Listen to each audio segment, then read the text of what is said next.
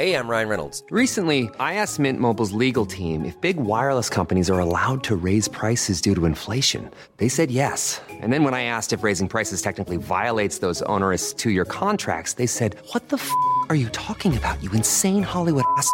F- So to recap, we're cutting the price of Mint Unlimited from $30 a month to just $15 a month. Give it a try at mintmobile.com slash switch. $45 upfront for three months plus taxes and fees. Promo rate for new customers for limited time. Unlimited more than 40 gigabytes per month. Slows. Full terms at mintmobile.com. A lot can happen in three years, like a chatbot may be your new best friend. But what won't change? Needing health insurance. United Healthcare Tri Term Medical Plans, underwritten by Golden Rule Insurance Company, offer flexible, budget friendly coverage that lasts nearly three years in some states. Learn more at uh1.com. Botox Cosmetic, out of botulinum toxin A, FDA approved for over 20 years. So, talk to your specialist to see if Botox Cosmetic is right for you. For full prescribing information, including boxed warning, visit BotoxCosmetic.com or call 877-351-0300. Remember to ask for Botox Cosmetic by name. To see for yourself and learn more, visit BotoxCosmetic.com. That's BotoxCosmetic.com.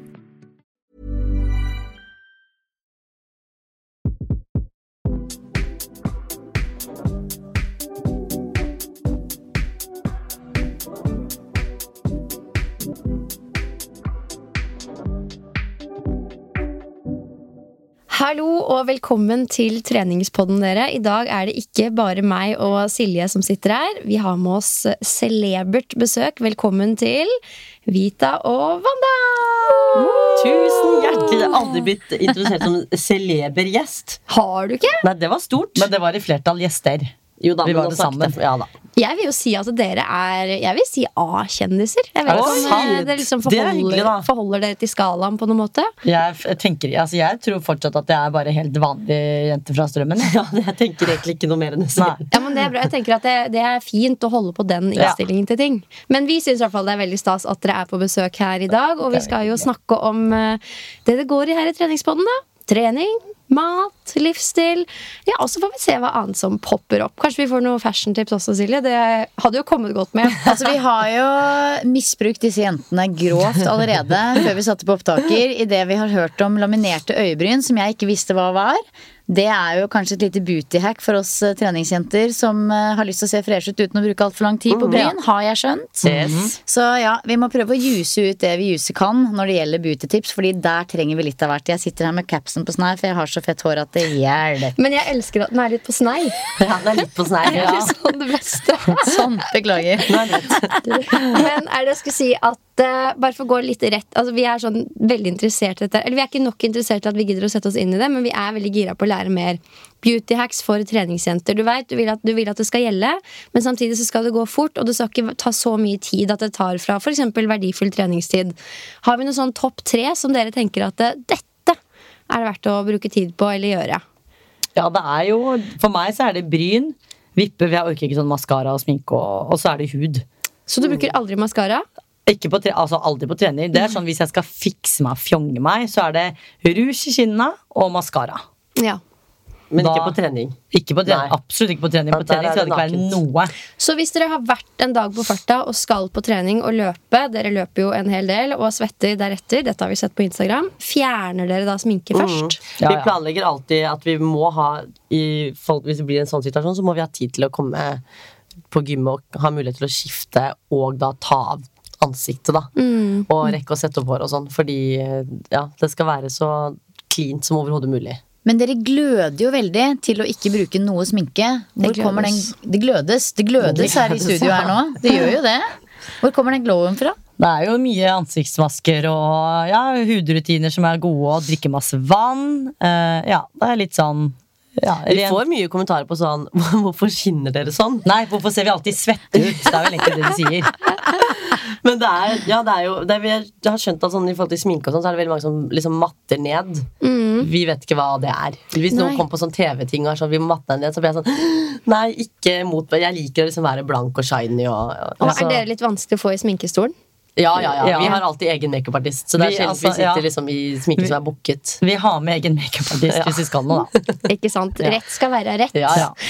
Um, og da har, Vi skal hvert øyeblikk komme litt inn på deres treningsreise. Altså liksom all the juice. Mhm. Men uh, dere har jo vært i en periode hvor dere ikke trente så mye. Nå trener dere en god del. Har dere merka noen forskjell på huden deres fra når dere liksom ikke trente så mye, mm, kontra nå? Altså tror dere, Det jeg egentlig lurer på er, tror dere at all den svettinga at det har en glowing, freshing up-effekt? Ja, men er det ikke sånn at hvis man sitter i altså Det er badstue som er bra for huden fordi Ja, man er svetter så mye? Mhm. Så det er jo, det ligger jo noe i det. Altså, jeg kan for lite om det, men jeg tenker at det er ren logikk, da.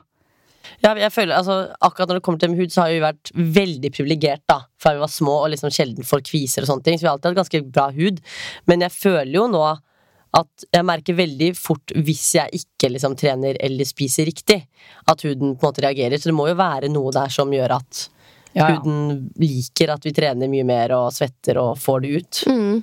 Det er jo den beste glowen man får etter liksom Nå løper ikke jeg så mye nå for tida, men den glowen og den gode rødfargen i ansiktet etter en god intervalløkt, for eksempel, det er jo den beste. Altså, jeg føler meg alltid så pen etter trening. Jeg si det, det er så gøy å ta bilde av seg selv rett etter du har hatt den intervalløkta, og du er gjennomvåt, og kinna er helt rød, og det bare renner liksom av panne til ned til nese. Jeg det, det er da man har glow. Ja. Ja, da har man glow. Og det, men det tror jeg jo, for det har jeg faktisk tenkt mye over, hvor sykt bra man føler seg både på innsida og på utsida etter en spesielt en hard intervalløkt.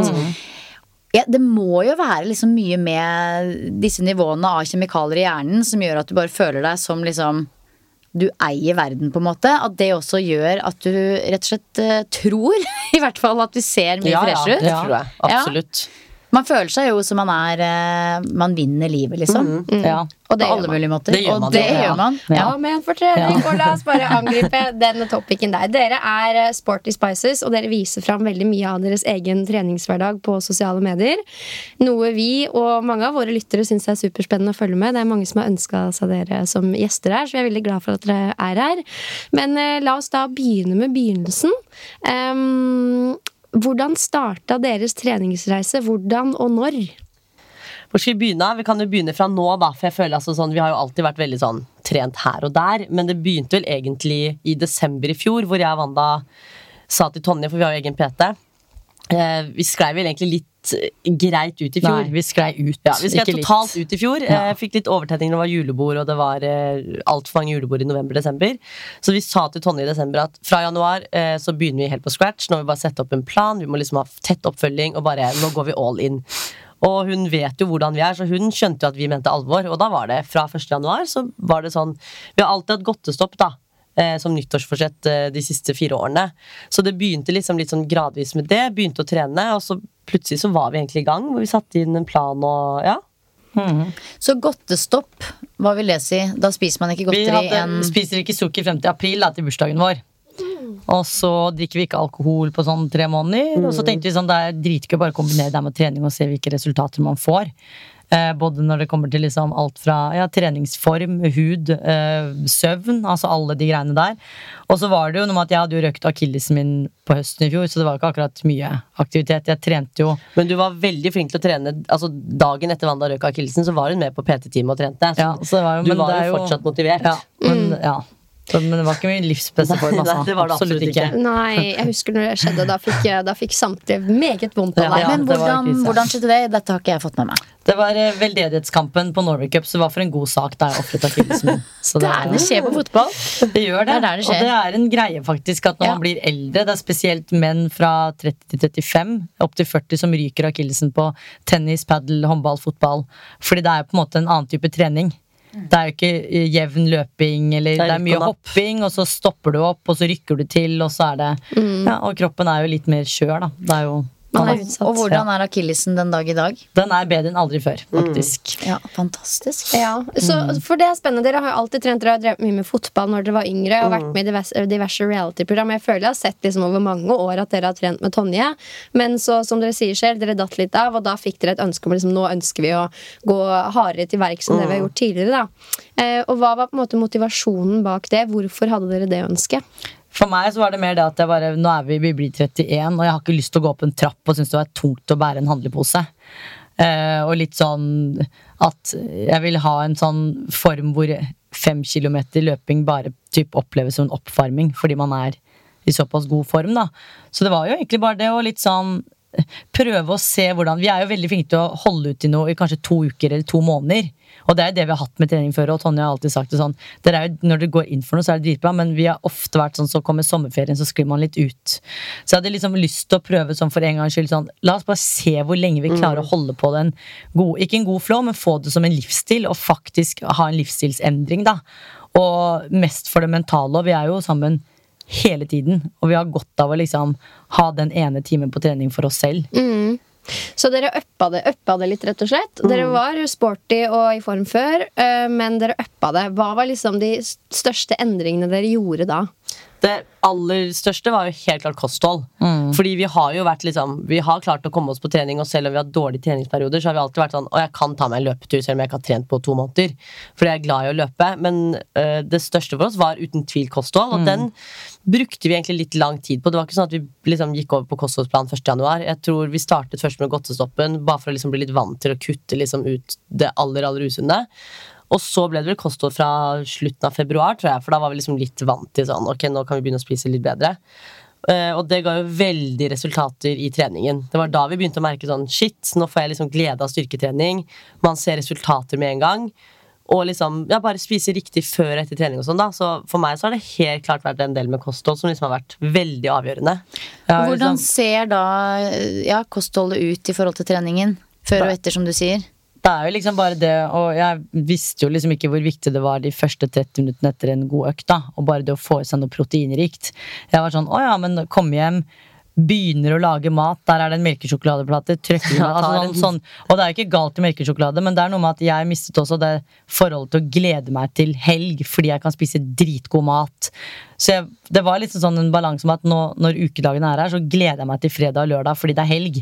Jeg skal spise så mye cupcakes og sjokolade og digg mat jeg vil, men bare det å forstå at ren og næringsrik mat også faktisk er dritgodt. Altså sånn, jeg er jo glad i å lage mat, kan lage mat, men jeg har på en måte ikke brukt, brukt det riktig, da. Men det var veld, altså, i begynnelsen var det veldig hardt, og vi var jo de venninnene som sa nei til å bli med middager fordi vi dukket opp med egen matboks, eller sånn hvis noen skulle på middag til oss, så var det sånn ja, vi lager egen mat, dere må ta med egen, liksom. Men det var vi veldig innstilt på. Vi var sånn, nå må vi bare gå all in. Altså, det har jo vært mange år hvor vi har prøvd masse forskjellig forhold til kosthold, og prøvd oss frem. Så følte jeg liksom at vi egentlig kom inn i en god flow, og den dag i dag så har jo jeg og Wanda helt forskjellig kostholdsplan også.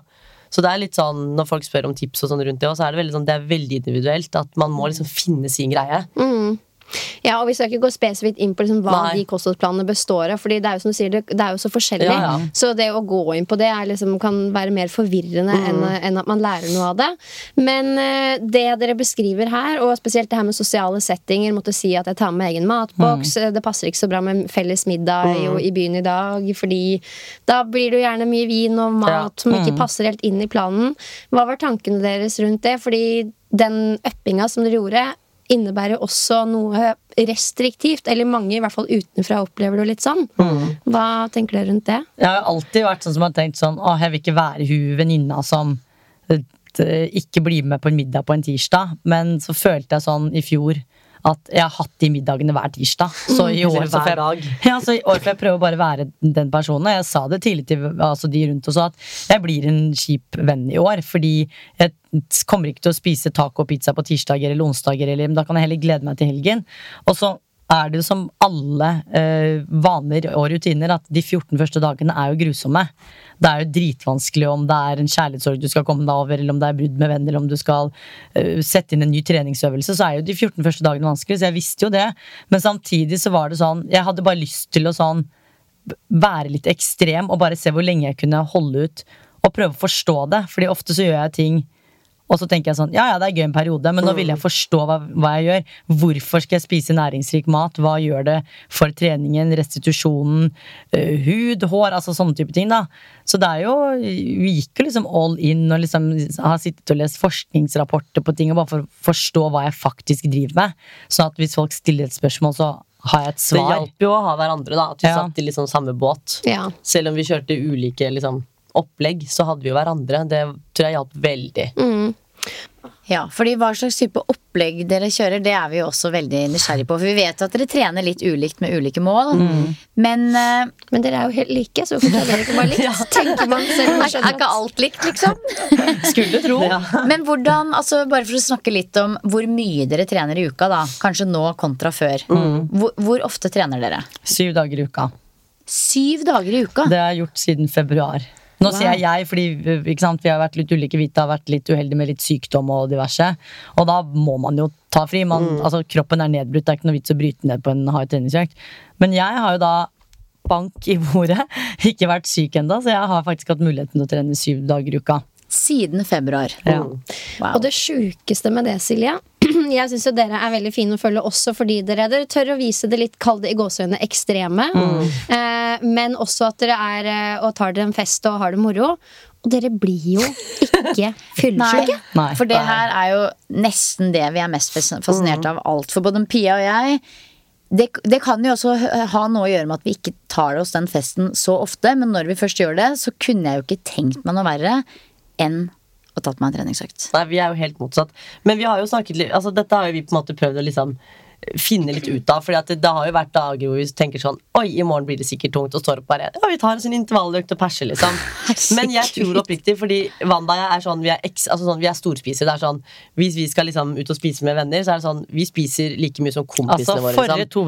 Vi spiser som hester når vi først skal liksom gå inn for å liksom spise. da eh, Og jeg, Det er veldig forskjell på folk, men jeg blir ekstremt fysen og sulten når jeg drikker. Så jeg er sånn, Selv om jeg egentlig ikke er noe sånn chipsete og sånn av meg til vanlig, men jeg kan spise liksom en gigantisk middag før vi skal ut, og så er det vors, og så sitter jeg og liksom tar en bolle med chips, og så får jeg lyst på noen pølser på vei til utestedet, og så er det nattmat. Så jeg er sånn, jeg spiser meg jo i hjel. Så jeg tror kanskje at det kan ha noe å si, at jeg liksom aldri står opp med tom mage og er mett. da, At kanskje alkoholen har blitt blandet med maten. Jeg vet ikke, men jeg spiser som en hest. Det er nok en god blanding. Først og fremst så blir jeg fascinert av det selv. Det må jeg si. Altså, sånn, Det er jo ikke normalt. Nei, det er ikke normalt. Nei, så jeg tror nok det er en blanding av gode gener. Og så er det bare sånn, jeg merker jo Jeg har jo venner som jeg drar på vors med, som Vita sier for eksempel sånn De spiser ikke noe. Jeg er så ekstremt nøye på at hvis jeg skal drikke alkohol, så skal jeg spise mye fet mat. For det gjør jo at kroppen på en måte klarer å holde seg gående. Men så har jeg venninner som er sånn Nei, bare drikker hele dagen. Og så er jeg litt sånn Jeg vet ikke hva som er Altså, jeg kan jo ikke noe om alkohol, og det er liksom litt irrelevant uansett, men sånn, jeg drikker jo aldri øl, for eksempel. Eh, og så drikker jeg jo aldri whisky og konjakk. Altså sånn, det er jo liksom Jeg er veldig nøye på måte på hva jeg får i meg, men ekstremt nøye på mat. Fet ja, mat skal jeg ha i løpet av hele dagen, og spesielt før jeg legger meg. Så, men jeg vet ikke om det er svaret, men det er jo Nei, jeg tror vel kanskje at eh, dere er bare rett og slett eh, heldige Ja, på den ja, måten at dere slipper den fyllesyken som andre kan kjenne hardt på. Så, men det at eh, uansett at motivasjonen er der til å Mm. trene etter en eh, etter liksom lit. For det er, jo, det er jo på en måte ikke bare alkoholen, det er jo totalpakka. Ja. Egentlig av drittmat, lite søvn og alkoholen, Ja. og at man kanskje har liksom vært ute og gått eh, 20 000 skritt midt på natta på dansegulv. Det er jo liksom den totalpakken av å være ute som er belastende. Så det at dere da kan våkne opp og sånn Å, det frister med intervalltrening. Det sier Men det er ganske det mye om som dere. frister mest, egentlig. Fordi da vet jeg sånn, nå skal jeg svette ut all dritten fra i går. Så det er ofte da jeg er mest motivert. Er liksom som regel søndager, da, hvor jeg vet sånn Nå har liksom lørdagen vært eh, full fest, og det har vært mye av det ene og det andre. Og da er det digg å bare svette ut liksom vin man Men jeg må eller- gjøre det med en gang, for jeg sover ekstremt dårlig når jeg drikker. Det er jo veldig avbrutt søvn, og det er jo, jeg merker jo sånn jeg må gjøre det med en gang jeg står opp. For da er jeg, jeg sikkert berusa mens jeg løper. På middag. Det er jo, Men fra, fra en influenser til en annen, dog så er dere på et helt annet nivå. Er det noe i dere som motiveres av den følelsen av å kunne legge ut et bilde at ja, persa på en mil, var på Harfylla i går? Altså et sånn- lite snev. jeg tror grunnen til at jeg perser de gangene, er fordi eh, jeg skjønner ikke hvor mye jeg tar i. For jeg, jeg vet at jeg er trøtt og sliten. Kroppen har liksom ikke like mye energi. Så jeg tror ikke jeg tenker over hvor mye jeg faktisk gir. Men når jeg er i god form, så vet jeg sånn Da kan jeg kalkulere sånn I dag kan jeg ha en rolig økt, i dag skal jeg ha rolig langkjøring, i dag skal jeg på en måte ligge i sone fire. Det er litt mer planlagt og litt mer rutinert. Men dagen derpå så er jeg liksom sliten, så jeg tenker at jeg, jeg må jo gi litt mer for å få den økta til å gå gjennom, og så blir det plutselig litt mer Men det er jo motiverende motiverende å ha de følgerne som Fordi folk er jo veldig sånn De heier og støtter, og så er det jo veldig motiverende å legge ut en sånn Men det er post mest mot vennene. Det er mye Ja. diggere å få snap av en venninne som sier du er syk i hodet. Det er det her». som motiverer meg mest. Ja, ja, Når jeg ligger og spyr og har bøtta ved siden av senga, så har jeg allerede vært på intervalltrening. Det gir jo meg liv. Det er okay. jo- Da er man ganske winning in life. Ja, virkelig. Altså, nå har vi jo ganske tidlig i episoden etablert at dere er ekstreme på mange ulike måter. Dere trener sju dager i uka, det har jeg aldri gjort. Og dere perser på mila dagen derpå. Men disse syv dagene med trening i uka, hvordan kan det se ut? Det er veldig mye planlegging, og det var jo sånn det begynte. Det skal jo sies at alt dette med trening i forhold til å ha tre, syv dagers treningsuke Ja, For det har var dere liksom motivert til fra starten. Vi ble det rolig. Ja, vi var jo sånn Jeg husker Tonje sa sånn Husk at bare det at dere har to treninger i uka, er, det er ganske bra. 100% ja. Eh, og så blir det jo til at vi var sånn Vi har jo to faste dager med henne, eller hadde, nå har vi en til, da. Men da ble vi sånn Det er gøy å få til noe egentrening selv, da. Og så har vi plutselig to-tre ja, uker hvor vi har muligheten opp. til det. Ja, for erfaringsmessig da så har dere tidligere trent med PT i mange år, men Mm. da kanskje hatt PT én til to ganger i uka og ingen egentreningsøkter. Mens Ja. forskjellen er nå at dere får til en god del trening Mm. på egen hånd. Men det skal sies at uh, vi har jo også egentlig typ PT hele uka, fordi det er jo Tonje som setter opp hele ukesplanen vår. Så vi har jo PT til munn på mandag, og da går vi gjennom uken vår. Hva vi skal, hvordan det ser ut. Og så vet vi eksempel at ok, torsdag for eksempel, så skal vi, har vi veldig mye å gjøre, så da burde vi trene eksempel tidlig.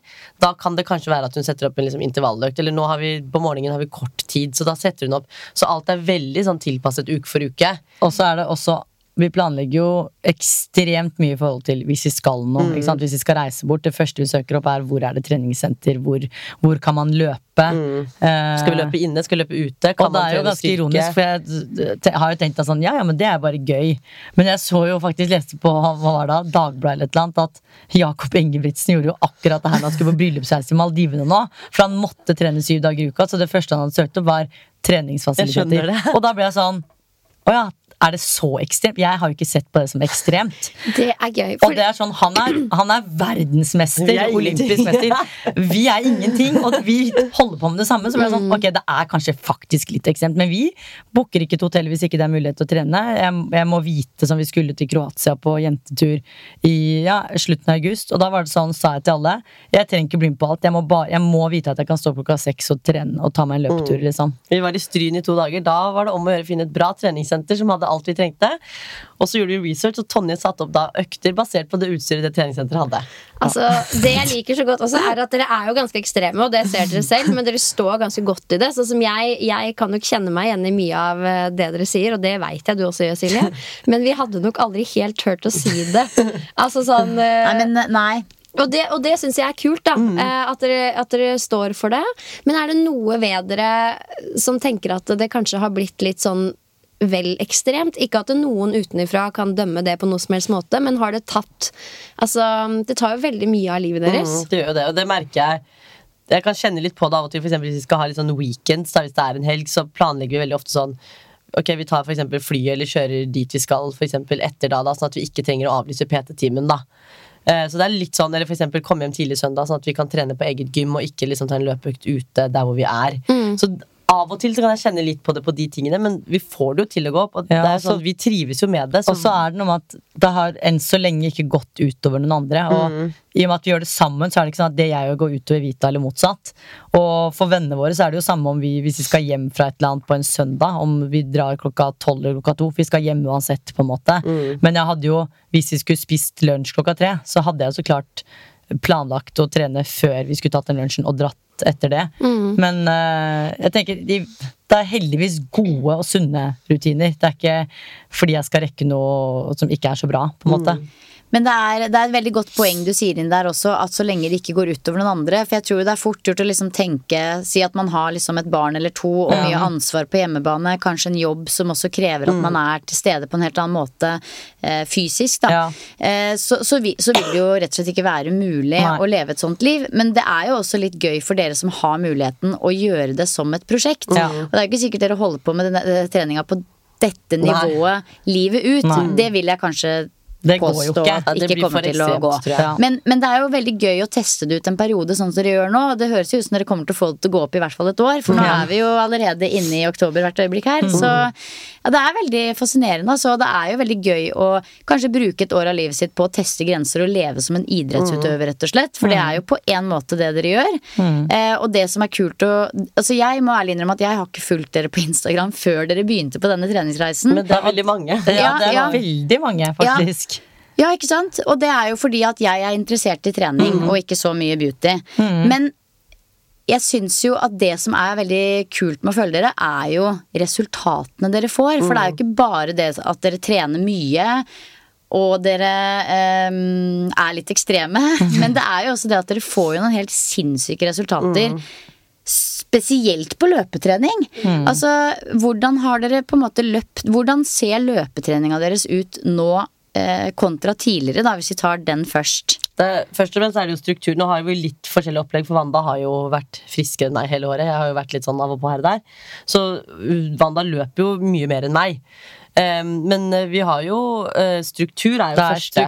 struktur, ja. Og så er det jo en plan. Ja, en og plan. Ikke nødvendigvis plan om å være med på noe løp, men en plan om hvilke mål man har lyst til å få til. Da. Og ekstremt mye variasjon. Jeg har ikke skjønt viktigheten i det før, Mm. før i år, og etter at jeg røk akillesen, så var jeg sånn eh, eh, Jeg kan ikke bare løpe og bare ryke den igjen. på en måte Jeg vet jo at den er svakere enn det andre benet, eller svakere enn Vita sin akillese, for jeg har faktisk røket den. Men det er bare det jeg har liksom skjønt hvor ekstremt mye det har å si med variasjon av underlag, sko, type løping. Altså langkjøring, rolig langkjøring. Du har intervaller, kjappe intervaller, lange intervaller. Altså det er så ekstremt mye. Ikke minst mye. styrke. Jeg skjønte ikke verdien i styrkeøkt Ja, mot løping. Ja, fordi disse Altså igjen dette løpeprogrammet, nå skal dere skal ikke slippe å dele i detalj hvordan det ser ut, men, men det er en kombinasjon av intervalltrening inne, ute og lange turer. Jeg ser jo dere løper jo liksom over 20 km i marka, både støttestadig og hvordan, Hvor lang tid har det tatt å komme seg dit, hvor dere kan ta de veldig lange turene? Lang tid. Ja, men Men når det går sies- fort, så går det, eller når det har kommet dit, så går det fort. Plutselig. Ja, men det skal jo også sies at når vi til og med var i vår livs dårligste form, så har vi alltid vært glad i å løpe. Så det har aldri vært noe problem for oss å stå opp og bare Oi, nå har jeg lyst til å løpe mila fordi det er sol ute. Og vi har alltid løpt eksempel mila sånn under en time. Uansett hvor dårlig form jeg har vært i. Så akkurat langkjøring er kanskje det minste problemet, i hvert fall jeg føler for begge. Men det er mer den å få litt struktur, forståelse. Styrketreningen, som sagt, har jo også vært ekstremt viktig. Det er det med å holde seg skadefri, fordi jeg hadde Ja. jo perioder hvor jeg løpt ja, en-to mil i uka. Og det har liksom vært bra, da, i forhold til hva jeg har trent. Men jeg har alltid hatt sånn Å, nå kjenner jeg det i kneskålen Mm. eller leggen, eller Jeg har jo kronisk beinhinnebetennelse òg, og den har jeg hatt i elleve år. Ja, siden 2012. Herregud, blir? Ja, ti-elleve år, da. Nei, ja, tolv. Og den har jeg sånn jeg vet ikke, jeg har på en måte på et eller annet vis løpt den fra meg. Det har vært mye forebyggende styrke. Jeg har ikke skjønt hvor viktig det har vært med litt sånn styrketrening opp i løp. Fordi alltid sett de som løper ekstremt mye, være sykelig sånn Ja. syltynne. Bare sånn, så sånn, herregud, hvor er musklene? Men det er jo bare forebyggende trening som gjør at du klarer å løpe så ekstremt mye. Da. Så det er jo, ja, man har lært mye. Og bare Så tror jeg de lange løpene også er nok mye av det. Tror jeg de faktisk går på psyken. ja, og de kjedelige øktene er jo de som på en måte gir mest. De 90 minutters Ja, i det sone er 2. seigt. Det er jo seigt, men det, gir jo ekstra, det hjelper jo så mye på utholdenheten. Hvordan er Det med, altså, det er løpinga som er viktigst for dere, høres det ut som. Mm. Uh, syns dere Det blir litt feil å stille dere det spørsmålet fordi det er Tonje Jensen, PT-en deres, Mm. som programmerer for dere. Men uh, syns dere det kan være utfordrende å balansere balansen mellom styrke og så mye løping? Altså tunge Ja. bein, støle, slitne kropper. Ja, I begynnelsen så var det tungt. Men I begynnelsen var jo alt tungt. alt var tungt. Men nå føler jeg at vi er jo sånn Vi er veldig åpne, da, sånn generelt i alt. Eh, Og det er jo sånn, vi kan jo komme på trening med Tonje en dag og være sånn nå er kroppen død, liksom. Jeg, det er tungt å være meg. Og da kan hun tilpasse økta der og da, selv om hun egentlig har satt opp noe annet. Så jeg føler liksom vi har kommet til et godt sted hvor hun egentlig bare lytter, og så setter hun opp i forhold til hva kroppen Og så kan hun jo se på en annen økt sånn I dag har de veldig mye energi, da bare gønner jeg på. Ja, og så er det jo Jeg kjenner Nå skjønner jeg hvordan jeg skal trene og hvordan kroppen er, så jeg vet Mm. jo sånn Jeg har vel bare to ganger i år vært så tung i bena at det har vært sykkel som har vært på planen. Og jeg hater egentlig å sykle, men da har det vært så ekstremt tungt at sagt du får ikke lov. Det er ikke, du får ikke noe ut av det. Ikke engang rolig langkjøring på mølle i 90 minutter, liksom. Sone to gir meg noe Altså, jeg får ikke noe ut av det. Så jeg vet jo alltid sånn Ok, har jeg den styrkeøkta, så er det intervaller i morgen, eksempel. Har jeg hatt den type styrkeøkt, så er det rolig langkjøring. Så jeg vet jo i mitt hode også hvordan kroppen min fungerer etter ulike typer økter, da. Og jeg løper jo syv dager i uka, selv om jeg har styrke. Men Men da er det kortere økter igjen, på en måte. Syv dager i uka! Ja. Herregud. Men man skal ikke undervurdere det å lytte til kroppen, for det har jeg liksom skjønt det siste året. Og Sånn. søvn. Kroppen sier faktisk ifra, Ja. og da er det bare å høre på den. Det merker man på liksom Ja, det er ganske fascinerende hvordan Ja. det funker, ass. Ja, og det er jo det som er veldig fint med å bli fulgt opp av en person òg, for du blir ansvarliggjort, og du tvinges litt til å ta stilling til kroppens signaler, kommunisere det, få feedback. Det er jo utrolig lærerikt. Ja. Eh, så det er jo bare utrolig Eller sånn kjempespennende å høre om. Og så er det sikkert mange som får liksom bakoversveis i forhold til mengden deres og hvordan dette opplegget er. Men jeg tror det er så viktig å huske på, som vi snakka om, at dere har mulighet til å gjøre dette nå i livet. Det er ikke sånn Ja. kjempemange andre å ta hensyn til. Um, dere har fleksible jobber, Jobber. og på sett og vis er det jo en del av jobben deres, Ja. for det er jo masse content som er kjempespennende å følge. Og så skal det sies også at vi gjør det jo fordi vi syns det er gøy. Det er jo ikke sånn at jeg, altså Noen dager selvfølgelig sånn har det jo alle det, at de står opp og er sånn Å, i dag er det litt knekk. Men da må man bare få jobben gjort. Men jeg hadde jo ikke trent syv dager i uka i liksom et halvt år hvis jeg hadde hata det. Det gidder Nei, jeg faktisk ikke. for man må jo ikke det. Nei, det det. Man, må ikke det, og man jeg kan jo få veldig gode resultater av å trene Ja. halvparten av Ja, det. absolutt. Mm. Så jeg tror liksom vi, Og det, vi gjør jo dette her for oss selv, så det er jo ikke noe sånn jeg gjør det fordi liksom alle skal se på hva jeg gjør. Liksom. Så det er veldig viktig at folk husker at nå gjør vi jo dette fordi at vi digger det og syns det er gøy. og ja, det er bare Det er helt utrolig hva det gjør med psyken, det der å komme seg på gymmet og bare ha egen tid. Ja. Og så er det litt uh, variasjon, altså sånn ulike tider i løpet av livet òg. Har du mensen, Ja. så vet jeg at økta blir ikke like bra, men jeg har så godt av det mentalt. Slipper å sitte hjemme og ha det kjipt eller alt er så mørkt og vanskelig. Da er det sånn digg, da tar jeg altså sånn jeg hadde nå, eh, for å utlevere, har jeg mensen, og da er sånn på morgenen i dag når jeg skulle løpe ti kilometer, så følte jeg at jeg løp ti mil. Det var så tungt. Og vanligvis så løper jeg mila sånn hvis jeg må eh, kjappe meg rekke en økt før jeg skal nå, for det går så fort. Men i dag var det helt jævlig. Og det er sånn, det er lov, det òg. Absolutt. Ja, hva gjør dere på de dagene hvor trening ikke frister? Hvordan motiverer altså, dere til treninga? Frister alltid, fordi jeg vet at jeg får min egen tid. Og det mentale, og da er det sånn Men da er det alltid enkelt. Jeg tar mølla, for jeg tar med iPaden og ser på en serie. Så tar jeg da de 45 minuttene av den episoden på mølla i stedet for å ligge på sofaen. liksom Så jeg får det jo alltid til. Men det er jo så klart noen dager hvor jeg har tyngre ben, øh, vondt i magen med mensensmerter. Ja, altså Da, Det skjer da er det jo bare å kvinne seg opp og tenke sånn Jeg prøver å minne meg selv på den følelsen jeg har etter trening. Ja. Det er som jeg og Wanda snakket mye om sånn Man angrer jo alltid på at man ikke tok økta, men man angrer jo aldri på at man har gjort ferdig økta. For da er det sånn 'Å, fy fader, det var digg'. Uansett. Selv om det kan være økter hvor det er sånn 'Å, i dag var en dritdårlig dag', men så har man bare gjort det. Ja, og så er det forskjell på også og det å ikke ville, og det å faktisk være så sliten at man ikke burde. Så det å lære seg litt forskjellen på Ja, ja. de, de, de signalene man Ja. får av det. Det sa jeg til Vita om dagen òg. Var veldig snufsete. Og, bare og da er det sånn Da var vi jo veldig enige om det begge to, da, men det er sånn Det er ikke noe vits! Du Nei, får ikke noe ut av det. Kroppen din er nedbrutt. Bare det å gå på den mølla, det trenger ikke du nå. Så man må jo lytte til kroppen. Og hvis man vet at det er sånn du orker så vidt å gå fra sofaen til kjøleskapet, så skal du i hvert fall ikke på trening. Mm.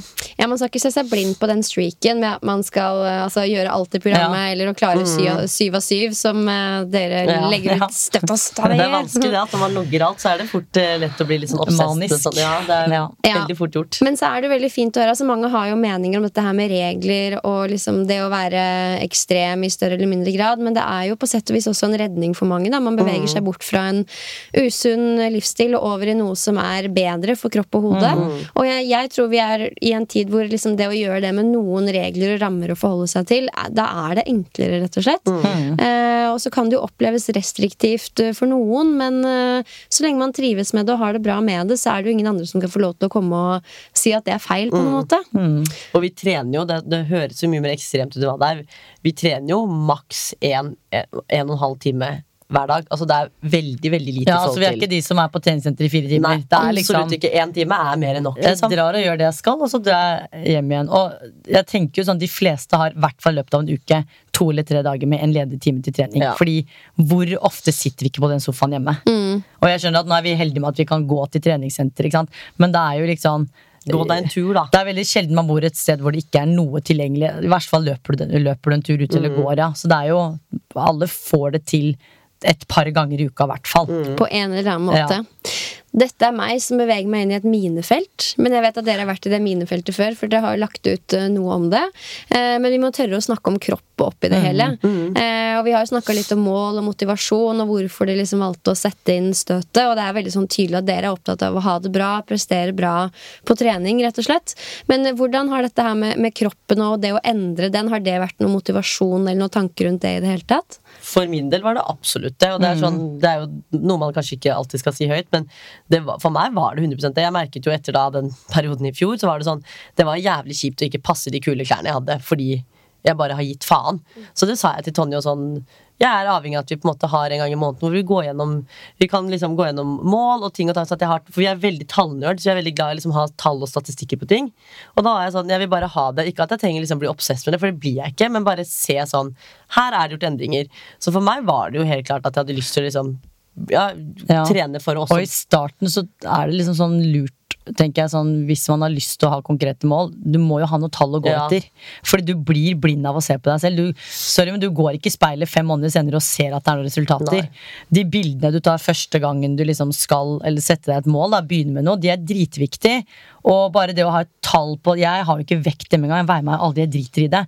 Men så klart gjorde jeg det første gang jeg skulle begynne med Tonje, bare for å se.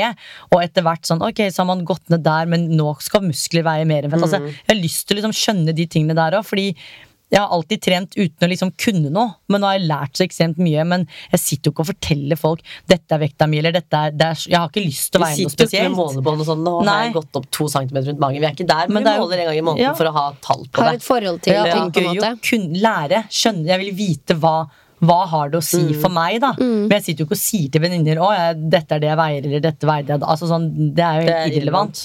Men noe tall, sorry, så må man faktisk sette seg inn i for å forstå hva man holder på med. Fordi du ser det ikke bare av å se på deg selv i speilet hver bidige dag. Du gjør jo ikke det. Nei.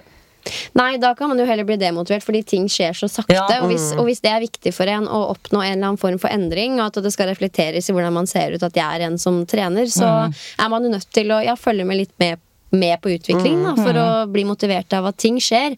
Det kan bare skje veldig sakte. Ja. Eh, men hvordan eh, har feedbacken fra følgerne deres vært? da? De, spesielt de som har fulgt dere liksom i all evig tid. Og man finner jo eh, på mange måter så kan man som følger finne ro i at man har en profil som liksom ikke får til å dra på trening og spiser junk. Og liksom, det er jo en, en måte å være på i sosiale medier, det også. Så skjer det en endring. Dere har suksess. Altså, hvordan har feedbacken vært, da? Delt, egentlig. Delt. Du har jo de som Altså, du kan jeg føle sånn Vi er i en bransje hvor vi aldri kan vinne. A lot can happen in the next three years. Like a chatbot may be your new best friend. But what won't change? Needing health insurance. United Healthcare Tri Term Medical Plans are available for these changing times. Underwritten by Golden Rule Insurance Company, they offer budget friendly, flexible coverage for people who are in between jobs or missed open enrollment. The plans last nearly three years in some states, with access to a nationwide network of doctors and hospitals. So, for whatever tomorrow brings, United Healthcare Tri Term Medical Plans may be for you. Learn more at uh1.com. Ryan Reynolds here from Mint Mobile. With the price of just about everything going up during inflation, we thought we'd bring our prices down. So to help us, we brought in a reverse auctioneer, which is apparently a thing. Mint Mobile unlimited premium wireless. Ready to get 30, 30, bit to get 30, bit to get 20, 20, 20, bit to get 20, 20, bit to get 15, 15, 15, 15 just 15 bucks a month. So, Give it a try at mintmobile.com slash switch. $45 upfront for three months plus taxes and fees. Promo rate for new customers for limited time. Unlimited more than 40 gigabytes per month. Slows. Full terms at mintmobile.com. Botox Cosmetic, out of botulinum toxin A, FDA approved for over 20 years. So, talk to your specialist to see if Botox Cosmetic is right for you.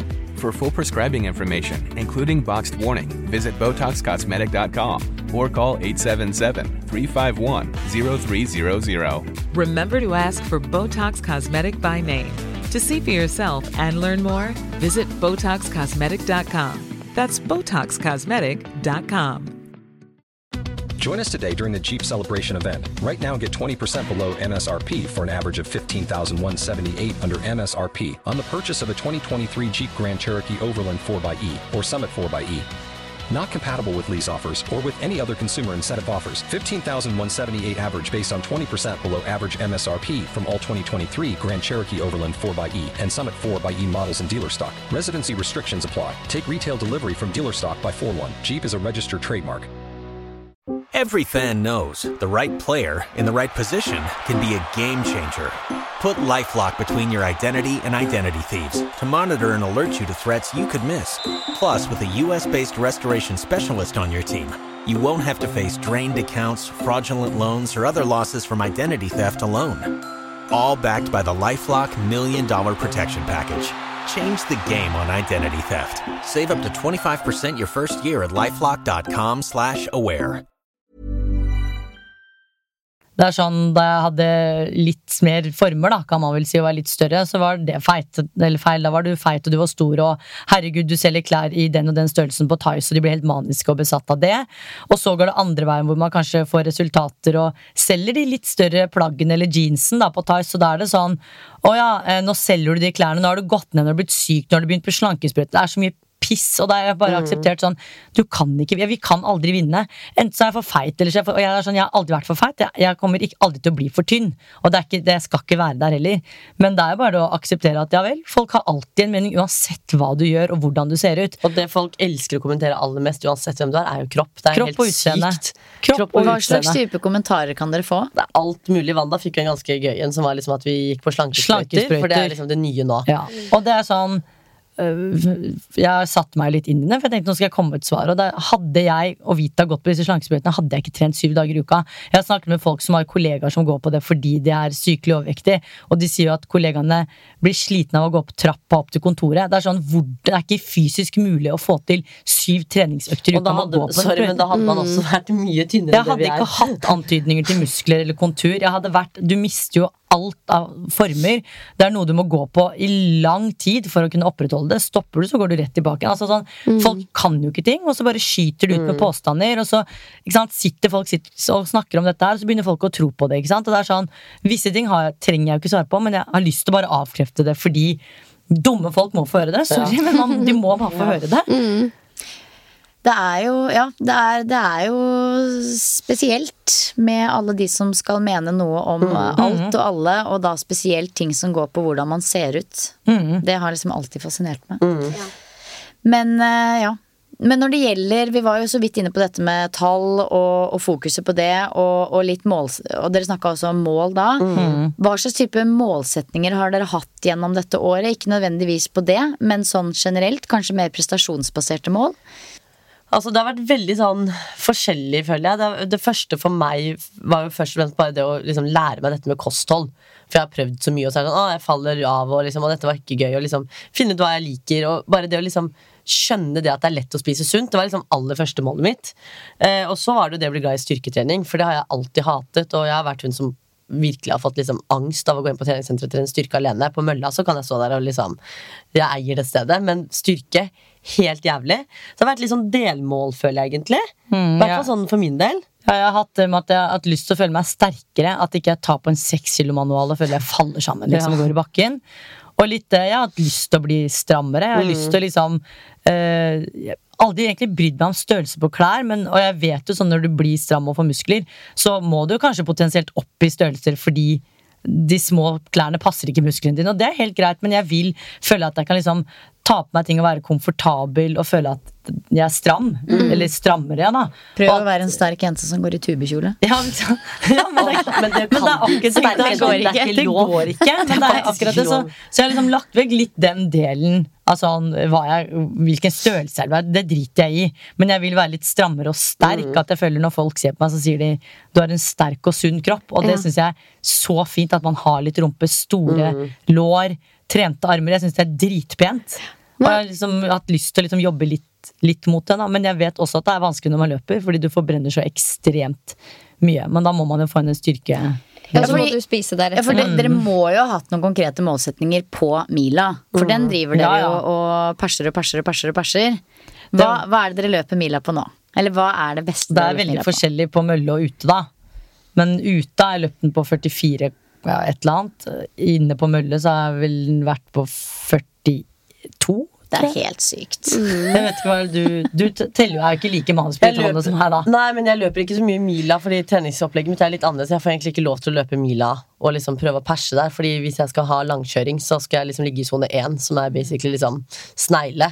Eh, Så jeg liksom prøvde meg prøvde jeg meg for noen uker siden, eh, før jeg ble syk, og da tok jeg vel mila på 48, tror jeg. Da var jeg dritfornøyd, men det var ute, da. Men jeg løper veldig sjeldent mila, faktisk, i forhold til treningsopplegget mitt, da. Fordi jeg skal Ja, jeg har liksom litt annet opplegg enn Wanda. Det er veldig Men det er veldig utrolig Men jeg ble så nysgjerrig nå på hvorfor kan ikke treningsjenter gå i tubekjole? Jo, de kan jo De kan, absolutt det, ikke. men de passer jo ikke. Det er jo noe jeg har prøvd så mange kropp, liksom. ganger. Jeg, så det, jeg syns jo det ser helt fantastisk ut, Ja. men jeg får de bare ikke til å passe. Men jeg skjønner For hva hvis du jeg, mener, ja. hvis jeg finner en tubekjole som passer her, så er den jo altfor stor Det lenger er ned. det. Så det er, så det, jeg, har, jeg elsker jenter i tubekjole uavhengig av om de er sterke eller Men ikke sterke. tubetopp Men, er eh, go, go, da. Det er ja, dritfint, men det, faktisk. det, det, den blir for stor nederst hvis den passer her. Skjønner, skjønner, skjønner, Ja. Ja. liksom Så det er jo, men det er det jeg mener med at det er liksom visse plagg det er sånn, Du kan ikke tenke på størrelse og sånt i betydning når Nei, du skal bygge muskler. Og så vil jeg ikke bli svær. Nei. Jeg vil bare være stram og markert og sterk. Jeg er veldig glad for at du tok opp det nå, så ikke folk tenker at jeg er en sånn som Ja. ikke liker jenter i Ja, tubekjole. Nei, problemet er bare at jeg får det ikke til å funke selv. Og så Jeg- går man jo i seg selv og tenker på sånn hm, når er det Nei, nei, nei. nei jeg, hadde, jeg hadde elska deg i en tubekjole og tube, tubetopp. Ja. Ja. Tubetopp er veldig bra, da. Ja, det er okay. jo enkelt. Det er bare, ja. Men det er det jeg skulle si um, Ja, og jeg syns det er fint at dere er ærlige om det òg. At liksom vi ønska å bli strammere, sterkere og hele den biten der. Det er ikke det at man trenger å prate masse om det, men det er jo ofte en del av motivasjonen til at man drar på trening. Jeg innrømmer det selv, altså, Man ønsker å se ut som den trente personen man føler seg som. Det er helt riktig. Jeg er helt enig. si. Jeg liksom. føler meg som verdens fitteste etter en treningsøkt. Jeg har Ja. lyst til å eh, ha den, altså se den følelsen jeg har, på en måte. Ikke sant? Og det er veldig frustrerende hvis man gang på gang, uke etter uke, år etter år drar på trening og aldri får den Ja. følelsen. Til slutt så blir man sånn Fuck it, nå gjør jeg alt for å få til dette her. Hjelp meg. Sånn som dere kanskje gjorde når dere gikk til Tonje Mm. Ja, ja. denne dagen. Eh, men dere er jo i fashion, the fashion industry, eh, Mm. med tanke på kropp og det å passe inn i vareprøver og greier. greier. Jeg vet ikke om det er noe liksom, issue, men kjenner man noe på kroppspresset i forhold til det? Ja, det Ja, syns jeg absolutt. Det har vi gjort. Det er jo mange ganger vi har vært på showroom og, sånn og prøvd klær, og det passa ikke. Nå er det noe annet, ja. skal sies. Det er ganske stor forskjell, faktisk. Det er veldig Ja. rart å se. Det var veldig rart første gangen vi i år gikk innom et showroom, og alt i small og ekstra small passet. Så var det sånn Har de lagd størrelsene Ja. større? Hva er det som skjer? Og så går man innom ulike og ser at alt passer, men vi har alltid vært liksom at Vi sa jo, Det var en periode vi sa nei til liksom, å være på sånne prøve innom showroom og liksom dra og prøve og se For jeg var sånn Det var kjipt, det var ingenting som passa. Så klarer jeg ikke å se for meg sånn Skal jeg ha den i to størrelser større eller tre? Og da var det bare sånn, det var lettere å bare si nei, fordi det var liksom ikke noe gøy. Man slipper å kjenne på den kjipe følelsen. Ja. Og gå innom og Så se at det ikke bransjen passer. er jo dessverre litt fucked når det kommer til akkurat der. Der tenker Ja. Jeg sånn Jeg skjønner at det er en sample at man ikke kan masseprodusere en T-skjorte som skal være liksom en vareprøve, men da burde man heller faktisk ta oss og lage en uh, større størrelse, sånn at både de de litt større i gåstein og de mindre i gåstein passer uansett, og så kan man tilpasse ut, og- ut fra det istedenfor å lage liksom size zero. For det er veldig få som passer size zero. Ja, det er jo en bransje der man skal liksom se ut som en kleshenger, Ja, ja. føler jeg. At eh, jo mer, det er jo mer fashion, jo mer kleshengeraktig det er, Ja. liksom. Det blir Ja. ikke jeg inspirert av. Nei, jeg Sorry, ass. Hvis folk føler seg krenka. Men jeg opp- blir ikke det er inspirert av det. oppnåelig, sorry ass. Det, det er veldig få som er 1,79 og liksom størrelse null. Det er veldig få av de, og jeg kommer aldri til å bli hun, så jeg klarer på en måte ikke å se at ok, men det der kan jeg gå i. Så jeg tror det er, For min del er det mye mer spennende å følge folk som på en måte har en helt vanlig, normal kropp. Mm. Ja, altså Vi er jo helt ut av det. det er, jeg tror ikke det er så vidt vi får opp i algoritmen vår. liksom ja, ja, det- men, men for dere som liksom er veldig oppi det, og nå har en fot i hver leir, så er det litt interessant å høre hva dere tenker, eh, tenker om det. Mm. Nei, vi har jo også bevisst meldt oss litt ut av akkurat Altså, Ekstremt glad i mote og det greiene der, men vi, altså, når det kommer til selve eventopplegget og liksom det å møte opp på f.eks. Fashion Week og sånn, vi er jo ikke på det. Det bare, For meg blir det overfladisk og fake, og det, det er ikke sånn mote for meg skal være. Da Ja, mote for meg skal være gøy, men det er Ja. ikke, det skal, det handler, livet mitt handler ikke om det. Nei. Jeg henger jo på å se på trender og kule ting, men jeg kjøper jo alltid ting jeg, som er tidløst. Det er jo sjeldent jeg kjøper Men vi er jo en, en rosa cardigan som er trendy der og da til 15 000. Da legger jeg de 15 000 i noen kule sorte boots som jeg har lenge. på en måte Ja. Så jeg bruker jo de høye, syke summene på ting, men bare ikke det som er trendbasert. Da, fordi s- Jeg elsker mote fordi det er gøy, men det er ikke så viktig er det faktisk ikke. ass. Syns dere det kan være stress å kombinere det å trene så mye med å se liksom så bra ut og velstelt ut og fashionable? Altså Jeg er veldig takknemlig for at jeg har en jobb hvor jeg liksom kan gå i treningstights og joggesko Mm. 24-7. Det er ingen som dømmer meg for det. Det gjør det mye enklere å få Mhm. til, og mye raskere. Er det noen ganger dere kunne ønske at dere bare kunne gå i treningstøy? Nei, jeg er veldig glad for at vi har denne den komboen. Ja, jeg syns det er dritgøy. Mm. Og så er vi jo veldig opptatt av sånn Har det kuleste treningstøyet. Ja, ja. Det skal jeg elsker jo hver måned rett inn på Lululemon Ja. og klikke hjem nye topper og tights. Ja, sånn. Jeg sa til Wanda og Tonje her om dagen sånn, Jeg har en sånn der, et notat på mobilen min hvor jeg har sånn ønskeliste som jeg liksom prøver å sjekke av hver måned i forhold til hva jeg skal shoppe. Og det er liksom alltid Lululemon, og så er det liksom alltid en sånn en dyr jakke eller dyr veske eller et eller annet liksom andre ting. Da. Men det er liksom Det er alltid gøy å kjøpe fresh treningstøy. Ja, for jeg er opptatt av at jeg ser dødsbabe ut på trening. Selv om jeg da kommer med liksom rufsete hår eller hår jeg liksom Men jeg skal ha det kuleste treningstøyet. Ja, ja. Jeg kjøper meg nye treningsgreier på dagen. De kilometerne på skoene mine har gått ut, så kjøper jeg Kjøper nye. nye. Så det er jo sånn, Ja, ja. Så jeg drar, det er bare å liksom blande det litt. Men jeg har også dager hvor jeg tenker sånn ja, Sånn som i dag, for eksempel, så var det digg å bare kunne ta på seg et par jeans og liksom en ny jakke. Ja, for og- dere tenker nå at dere er nedpå i dag? I dag er vi veldig I dag basic. er, ja. altså sånn, I dag er det Ok. basic. For dette hadde jeg på meg da jeg var ute og spiste middag i dette er går. Liksom. sånn, her er det bare som en jeans og en singlet. Pia føler på ekte at hun har pynta seg fordi hun har på jeans. Ja, jeg tok med god ja, finjakka fra Lululemon. Den jakka Ja. der den bruker jeg på trening. Til og med Ja. trening. Ja. Ja, nei, dette er finjakka Men den er jo dyr, så jeg skjønner at du bruker den til fint, egentlig. For den er, altså, Jeg elsker er den. Det er helt latterlig. Er patetisk. Men dritfine passformer og dritbra treningstøy, det skal sies. Det er med Lululemon, det er bare sånn Det er basic stuff, men det er bare noe ved det som gjør at det det varer. er Det varer. Ja. Den ene tightsen jeg har fra Lulu, det skal si at da trente jeg jo ikke syv dager i uka, så den er jo ikke så godt brukt, men den har jeg faktisk hatt i fem år. Og det er jo et veldig viktig aspekt både når det gjelder liksom fashion, trening Ja. og bærekraft. At det skal vare. Jeg er Ja. veldig glad i Casal, og Ja. det er rett og slett fordi det er masse tidløst, og det varer all evig tid. Tror jeg har Haka salthøyser som jeg har hatt i ti år, Ja. som fortsatt funker dritbra. Og sånn skal det være. Det skal ikke Ja, være sånn at det er rare sømmer og ting som går opp og Men dere må jo ha et sinnssykt klesbudsjett. Ja, Budsjettet trenger vi ikke å snakke om, men Budsjettet skapet i seg selv er ikke så Jeg tror folk blir overraska. Altså, skapet vårt Vi har så mye plass i skapene våre, og det, Det skal sies at vi er ikke de, vi har ikke noe klær i boden. Vi har det vi har, men vi er dritflinke på å selge. Ja. Dere selger på. Jeg, hvis jeg kjøper noe dyrt, så må det et eller annet dyrt ut. Jeg må tjene opp de pengene. Og det, det er ikke fordi jeg ikke vil Jeg kan gjerne bruke det, men jeg, jeg trenger ikke så- Det er syv dager i uka. Jeg kan, må bruke de klærne jeg har, liksom.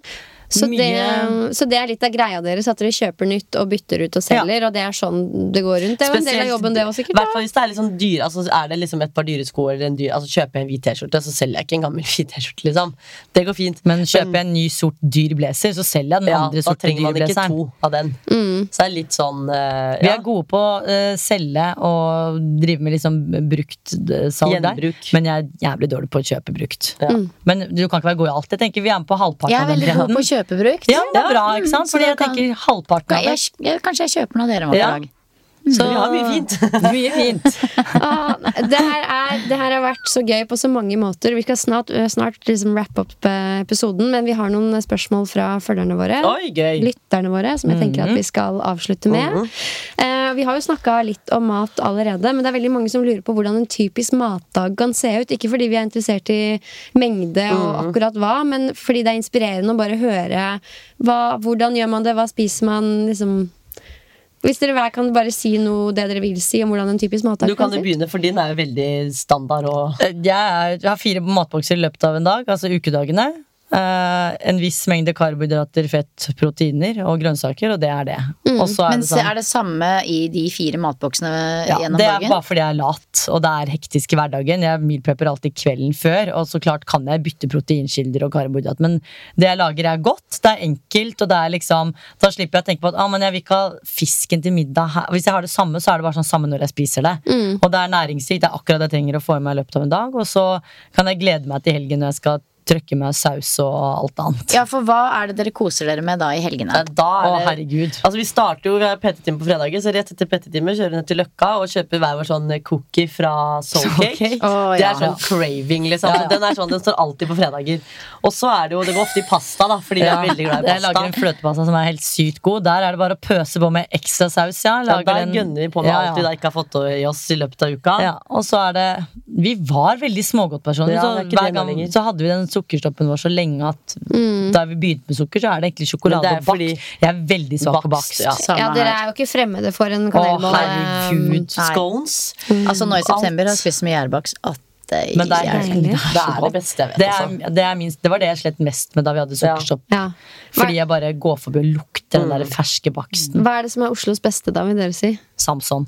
Jeg er litt på bit om dagen. Altså, bit er liksom alltid fersk. Men jeg har slutta med kanelbollen på bit, fordi jeg har begynt med kardemommeboller, og de er helt Ja. sykt gode.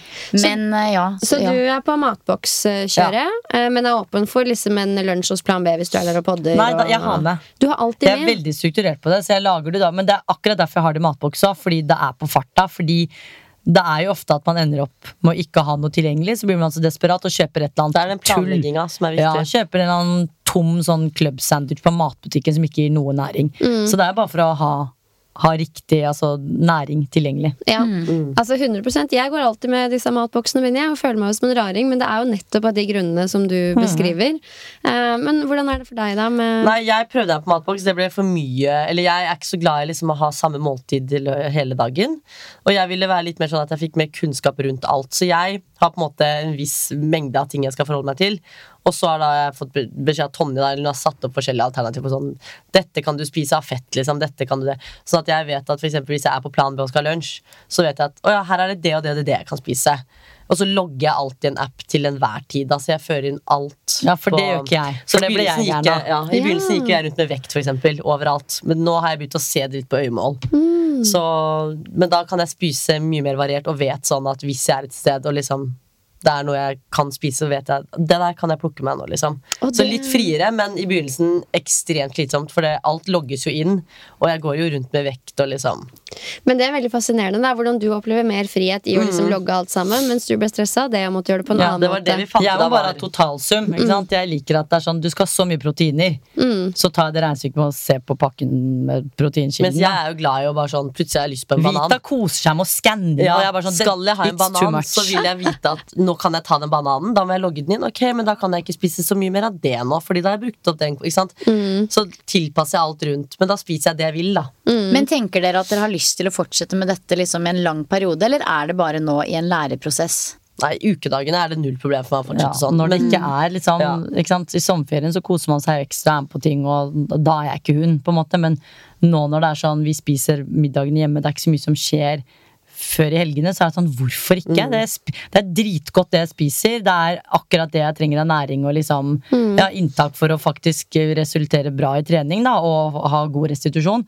Det er sånn, hvorfor skal jeg ikke gjøre det? Og vi gikk jo inn i dette kalde prosjektet fordi vi skulle ha en livsstilsendring. Ikke sånn Dette er, Det er ikke en sånn, periode. Nei, det er ikke en sånn slankekur. Eller? Dette skal være noe vi skal gjøre resten av livet og liksom lære av. da Så jeg tipper jo også etter hvert når Wanda også for eksempel øh, øh, Altså hun skjønner jo mye av Ja, jeg vet jo mye. Det er bare at For meg så er det enkelt. Jeg vet jo at jeg kan, kan spise laks Mm. og tenke å være kylling, men jeg bare jeg vet akkurat hvordan jeg kutter opp kyllingen min. Ikke sant? Jeg vet hvordan jeg steker Mm. Det er sånn, Hvorfor ikke? Og jeg syns det er godt. Ja.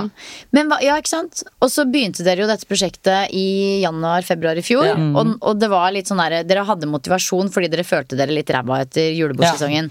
Den, den ser vi nå framme i horisonten om en sånn seks-syv uker. Da er vi begynt, da er moroa begynt. Hvordan tror dere julebordsesongen blir i år? Nei, jeg har hvilepuls, fordi vi gikk jo inn i sommeren da med liksom egentlig litt sånn samme Hvor vi var egentlig, det skal ærlig- ærlig sies, vi var veldig nervøse. Så vi hadde veldig sånn tett dialog med Tonje igjen, hvor vi planla sånn sommeren og var sånn Tenk hvis de faller fra, hva gjør Ja, vi? så hun var veldig sånn Nå må dere senke skuldrene og kose dere og slappe av, liksom. Og det er lov å spise ute tre ganger om dagen. Altså tre ganger i løpet av en uke. Det går fint.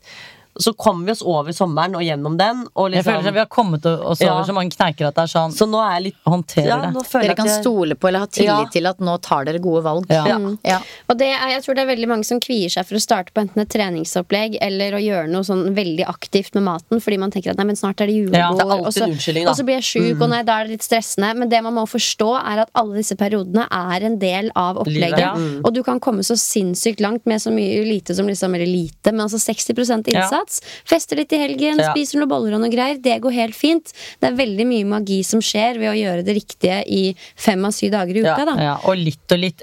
Alle trenger ikke være så ekstreme som oss og begynne med både sukkerstopp, hvit periode, full trening. Og, ikke sant? Altså, sånn, det, er ikke, det er ikke normalt. Det var bare sånn Vi tenkte vi er så ekstreme på ting vi gjør alltid perfeksjonister og helt maniske på hvor ryddig det skal være hjemme og vask og alt mulig. Så var sånn, bare la oss gjøre det ekstremt nå og se om Men nå, hva funker jeg, og hva funker ikke. vi, nå kan vi jo ha liksom fredag, lørdag, søndag, hvor vi har liksom cheat day. Ja, vi tar jo middager ute i ukedagene, men det er fordi nå kan jeg det. Jeg, Mm. jeg, jeg vet hvor Det er vanskelig, med hvor lett det er for meg å komme tilbake i gode rutiner. Ja, og det er jo mye frihet i det. Vi har, vi har begynt å snakke litt mer om mat i treningspodden, noe som er skummelt, fordi mat er, det er så mye. Ja. Det er kultur, følelser, ikke sant. Men samtidig så ser vi også i stadig større grad hvor mye ro og trygghet det ligger i å ha den kunnskapen Mm. som dere beskriver at dere har fått. da. Og det er jo et mye friere sted å være enn liksom spol tilbake tre år, hvor dere fortsatt trente og hadde det samme Mm. men famla litt i blinde, da. Eh, så det er jo litt regler og rammer, og det er nok mange som liksom får litt høye skuldre av å høre på dette her, men samtidig så er det så fint å høre hvor empowered dere er nå på deres reise. Ja, for det, det jeg syns er veldig gøy med dere, er at det bare Det skinner så sykt igjennom når dere sitter her og prater, hvor ekstremt indre motivert dere er. For det, det er det liksom ingen tvil om. Nei. For det har jo, jeg, selv om jeg liksom har vært veldig sånn prøvd å, å dra ut av dere liksom, hva er måla, og hvordan mål og alt mulig det, er- Jeg merker jo at med en gang dere får det spørsmålet, det er ikke så interessant for dere. For dere er faktisk på ekte indre motivert. Og det, det er ganske kult og inspirerende å se. Eh, og er dere, dere er jo litt ekstreme, men det Ja, det er vi. for det må Men det være lov å si. Og hun Ja. sa måtte jo liksom ha, Vi hadde en prat før sommeren sånn, hvor hun var sånn hver for oss, for vi er jo en veldig ulike trenerulikt, ulike mål. Hvor hun var sånn Wanda, du er litt ekstrem, liksom. Ikke Ja. la det bli Vi har vært hos psykologen vår, hvor hun bare sånn Ikke la det bli en sosial spiseforstyrrelse, liksom. Fordi Mm. jeg var sånn Ja, jeg var på sommer og hadde med matboksen min. Hun bare sånn ja, det, det, det grensa, trenger liksom. du på en måte. Ikke sant? Så det, da, jeg vet, men jeg trenger å høre det. Jeg vil heller høre at der er du ekstrem, enn at det er noen som på en måte bare sugarcoater det og sier sånn mm. Det er bra.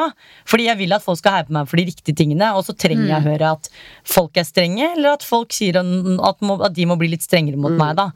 Så det er jo, og så er det gøy å ha vært innom det, fordi jeg vet jo at ok, men da trenger jeg ikke havne i en periode hvor jeg tar meg mat på sommeren, på en måte. Men Men, jeg har prøvd det. Ikke Men det skal sies at nå føler jeg også at vi er i en sånn periode hvor vi kan eksempel la fredag etter trening trøkke i oss liksom to cookies og en cupcake rett etter trening og bare Det var helt greit.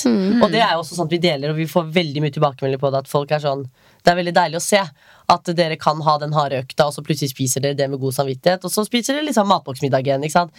At det er den derre blandingen Men vi delte jo også ekstremt lite den perioden vi var På det helt verste, nazi. ja. Uh, og jeg tror, jeg tror ikke folk egentlig skjønner hvor hardt arbeidet er, Nei. faktisk. Så vi har jo fått masse meldinger nå når vi deler mer fordi vi har litt mer kombinert og litt mer sånn variasjon i kostholdet. Så er folk sånn Å, dere har fått så syke resultater, hva er det dere gjør? Så er det sånn Dere har ikke sett det verste. Nei, Ja, for det, det mest også, ekstreme. det er jo også noe som kan kritiseres på den måten at ja, men dere har ikke vist hva dere egentlig har gjort for å komme dit. Men samtidig, hvis dere hadde vist det, så hadde, Hadde det det, vært også feil. vært veldig, ja. veldig feil. jeg det, det er jo også noe med det at dere eh, står ganske støtt i en så ekstrem prosess, men det er det ikke alle som gjør. Nei. Jeg tror ikke jeg ville gitt den oppskriften som Nei. dere har fulgt til hvermannsen. Det er Fordi eh, det, man skal nok være ganske robust for å stå i det uten at Ja. det tipper, tipper helt over, da. Og så er det mange faktorer som spiller inn. Det er sånn, Mat er sensitivt, det er kulturelt. ikke sant? Det er For mange så er det en trøst, det er glede, det er veldig sosialt.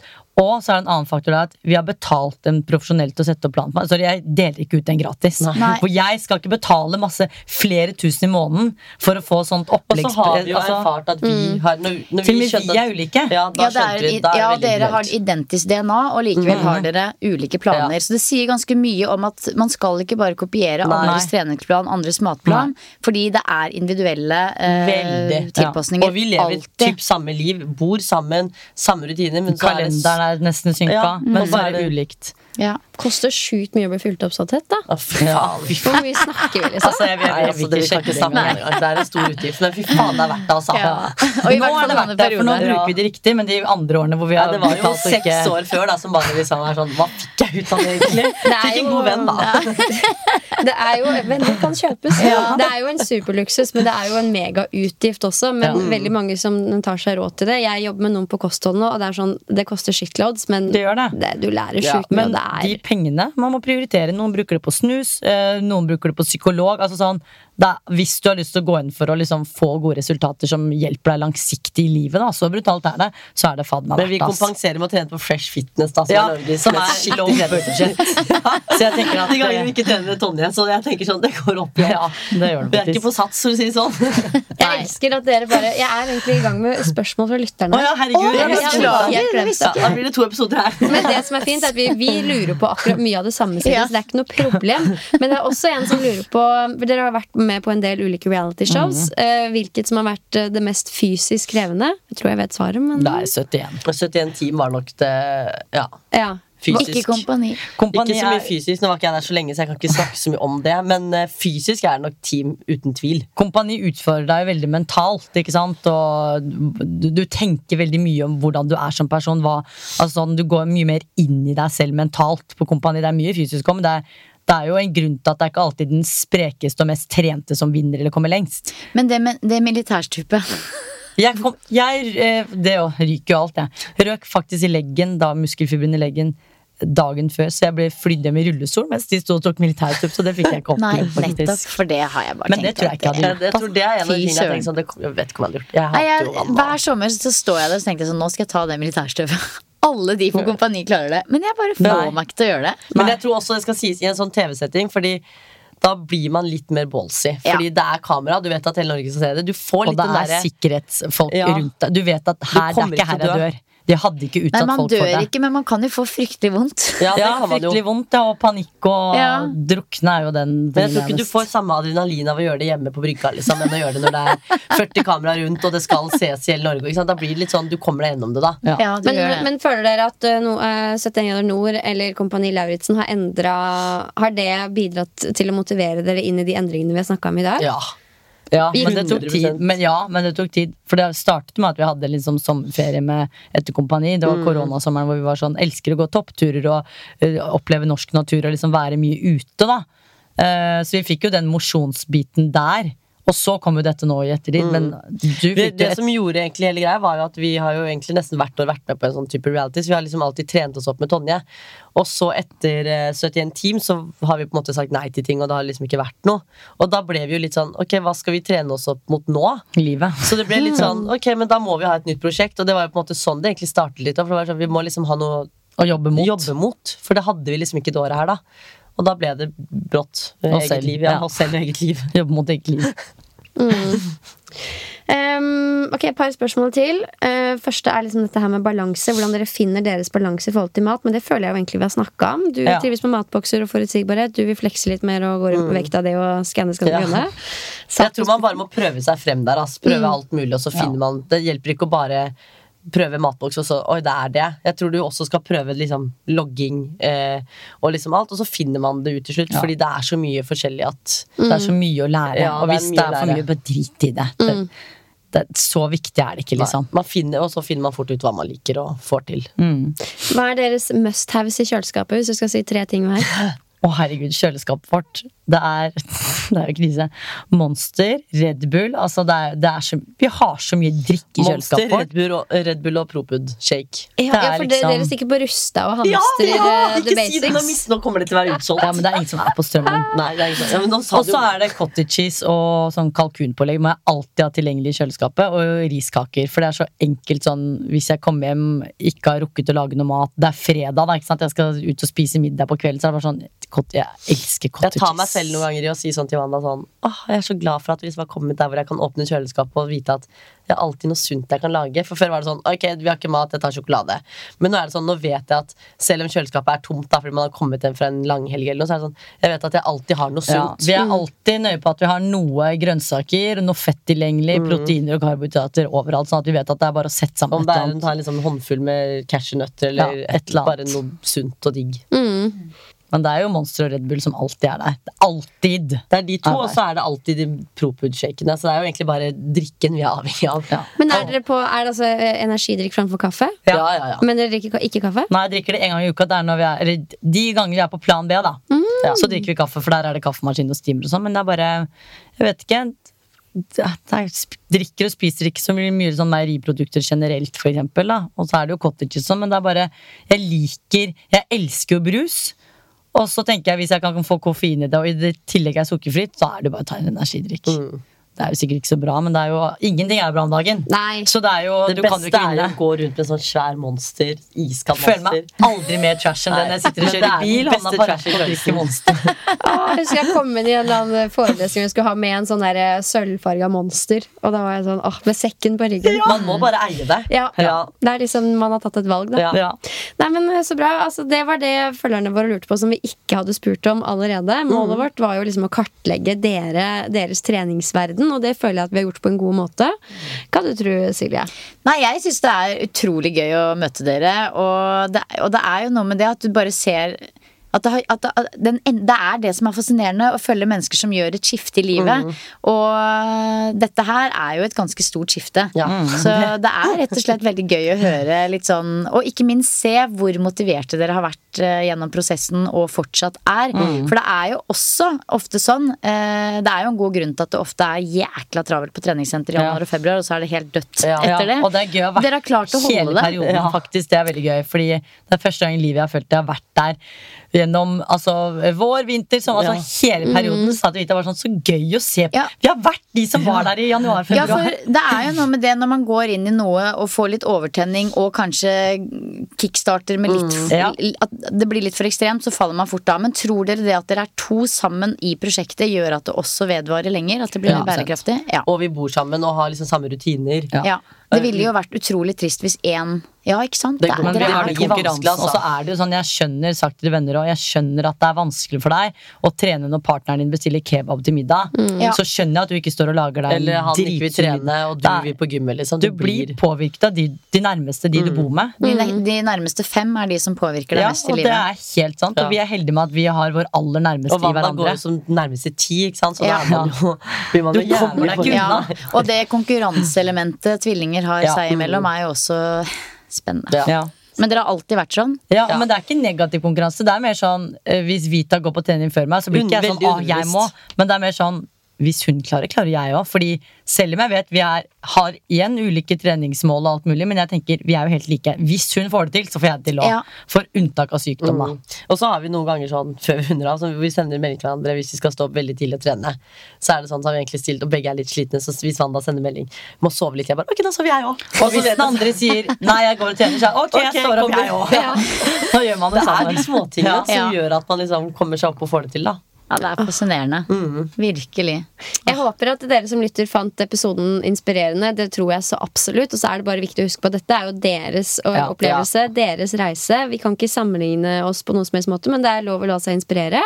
Og jeg digger at dere tør å være så ærlige og rett fram og fortelle liksom helt Ikke 100% hva dere gjør, men hvorfor dere gjør det, og er ærlig på det meste i hele opplegget, og det, det settes stor pris på. Det er veldig hyggelig å være her. Det er faktisk første gang vi offentlig snakker om altså hele endringen, eller livsstilsendringen Ja, vår. da Fordi altså, Vi gjør det på egne plattformer, men vi deler Men jo ikke igjen. så detaljert heller. Vi Nei. er jo veldig nøye på liksom hva vi Men det har vi alltid vært nøye på å ikke dele detaljert igjen, mm. fordi vi betaler en fagperson for å få det skreddersydd for oss. Mm. Men det er liksom, vi har ikke Også fordi om det om ofte det. kan misforstås litt. Ja. Tonje har vært i poden for mange år siden, om, og da ja. snakka vi om å trene ræva. Ja, det men For det, er- det er ingen andre som sier ræva, sånn som Nei, Tonje gjør. Nei, vi fortalte Tonje at vi skulle hit, og da sa hun at hun hadde vært der for noen år Ja.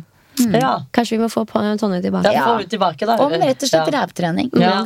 For hun trener jo altså Studiet hennes ligger i nærheten her. Ja, Ja, det er rett der borte. og, eh, opp, eller nå husker, vet jeg ikke Det hvilken retning det er i. Ja, det blir jo Ja, rett bak Der bussen står og venter. Ja, På toppen der. Ja, ja, ja, Og- Men hun også er litt inne i psykologi. Ja, hun har så mye, men det er derfor Ja. vi altså, sånn, tenker sånn det er så verdt Hun kan jo alt om kosthold og psykologi. Hun har jo studert alt ved siden av, så hun er ikke bare utdanna Peter Hun har de mentale, fine peptalksene hvis jeg har en dårlig periode eller får knekken. Eller, Mm. eh, Så det, det hjelper. Det er digg å ha Tilgjengelig 24-7. Men vi har psykolog ved siden av også, da. Bare sånn. Ikke hele den biten. altså, jeg føler dere, er sånn, dere er, altså, Idretten dere er, deres er å være supermennesker. Altså sånn hverdagsatleter er det dere Ja, er. og det er veldig hyggelig. Hode, kropp, mat, fest, fashion. Ja. Alt skal bare nailes. Ja, Og ikke minst hjem og interiør. Ja, det også. Vi, jeg føler Vi er jo perfeksjonister, så alt skal jo på en måte bli 100% eller ingenting. Det er ikke noe sånn mellomting. Nei. Hva skjer når det kommer en dude inn i bildet? Nei, det, Det har vært det er tid, den sorg. Ja.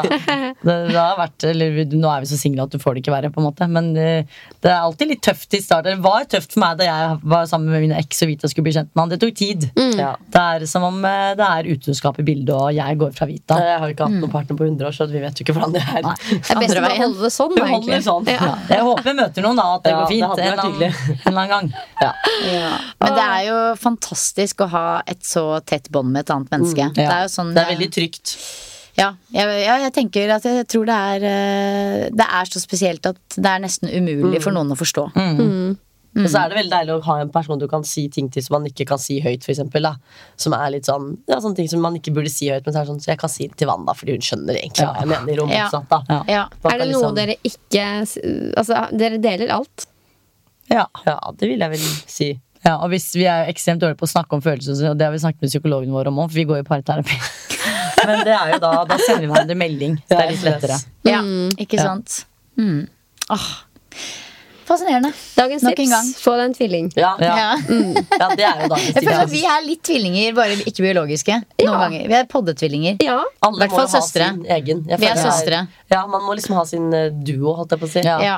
Hvis vi flytter sammen, gir bort barna våre, kvitter oss med mennene våre, Og vi begynner på med Tonje Jensen. Ja, da er dere der, da. Det skal ikke mer til. Herregud, da kan vi ha sånn gruppetime så sammen. Herregud!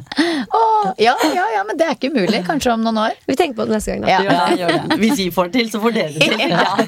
Ja, men veldig bra. Tusen hjertelig takk for at dere tok dere tid til å komme. Takk for Tusen oss. hjertelig takk for oss. Det har vært veldig gøy. Ja, veldig hyggelig. Ja. Og nå skal dere ikke videre på mølla. Det Nei, vi er jo er ferdig ferdig trent trent. Stå opp klokken seks og trente i dag. ja. Og du har vel trent? Jeg har trent. Og jeg har trent. Ja, fy søren. High five til alle fire. Å, så klein dere er. Ok, takk for i dag, dere. Vi poddes neste uke. Yes.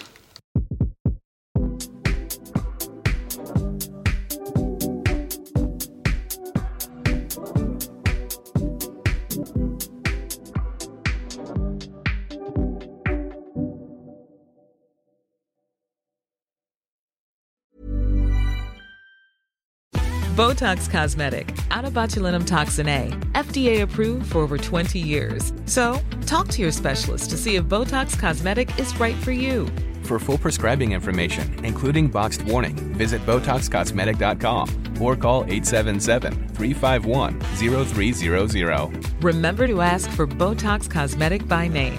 To see for yourself and learn more, visit BotoxCosmetic.com. That's BotoxCosmetic.com.